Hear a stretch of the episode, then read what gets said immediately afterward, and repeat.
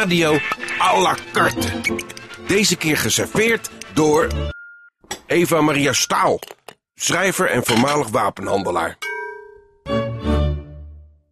Het programma heet Friso Wiegersma en zijn liedjes. Nou, het is eigenlijk onderdeel van het programma Spiegels van de RVU.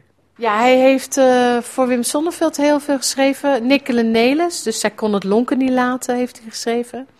Hij heeft uh, uh, Het Dorp.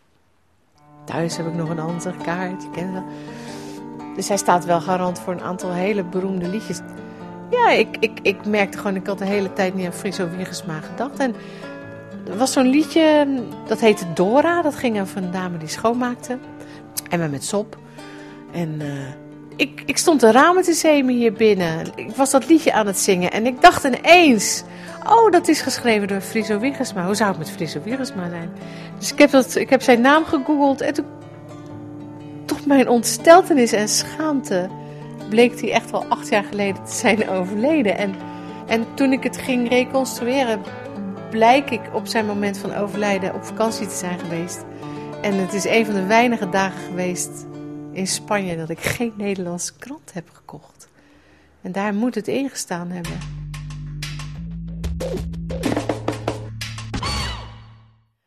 Dan moet ik nu vandaag even in mijn eentje toch wel even een paar liedjes beluisteren, bij wijze van eerbetoon.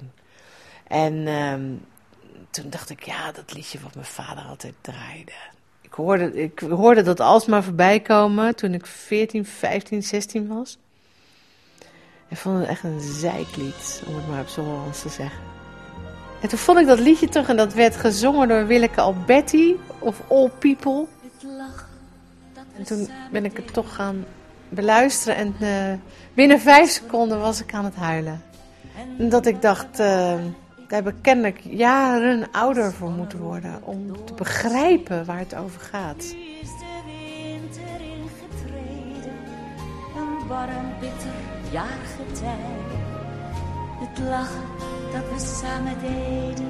Er staat een interview op woord.nl waarin hij zegt: Het is natuurlijk op Wim geschreven, maar ik wilde het wel verbreden. Ik wilde het wel voor iedereen toegankelijk maken. Ik maak mijn verdriet kenbaar. En ook jouw verdriet maak ik kenbaar. Ook jij hebt vast wel iemand verloren.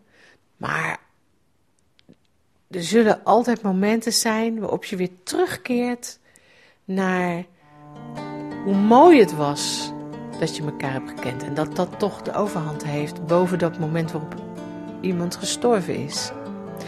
En dat snap ik nu dus eindelijk, want ik ben mijn vader verloren, een paar jaar geleden.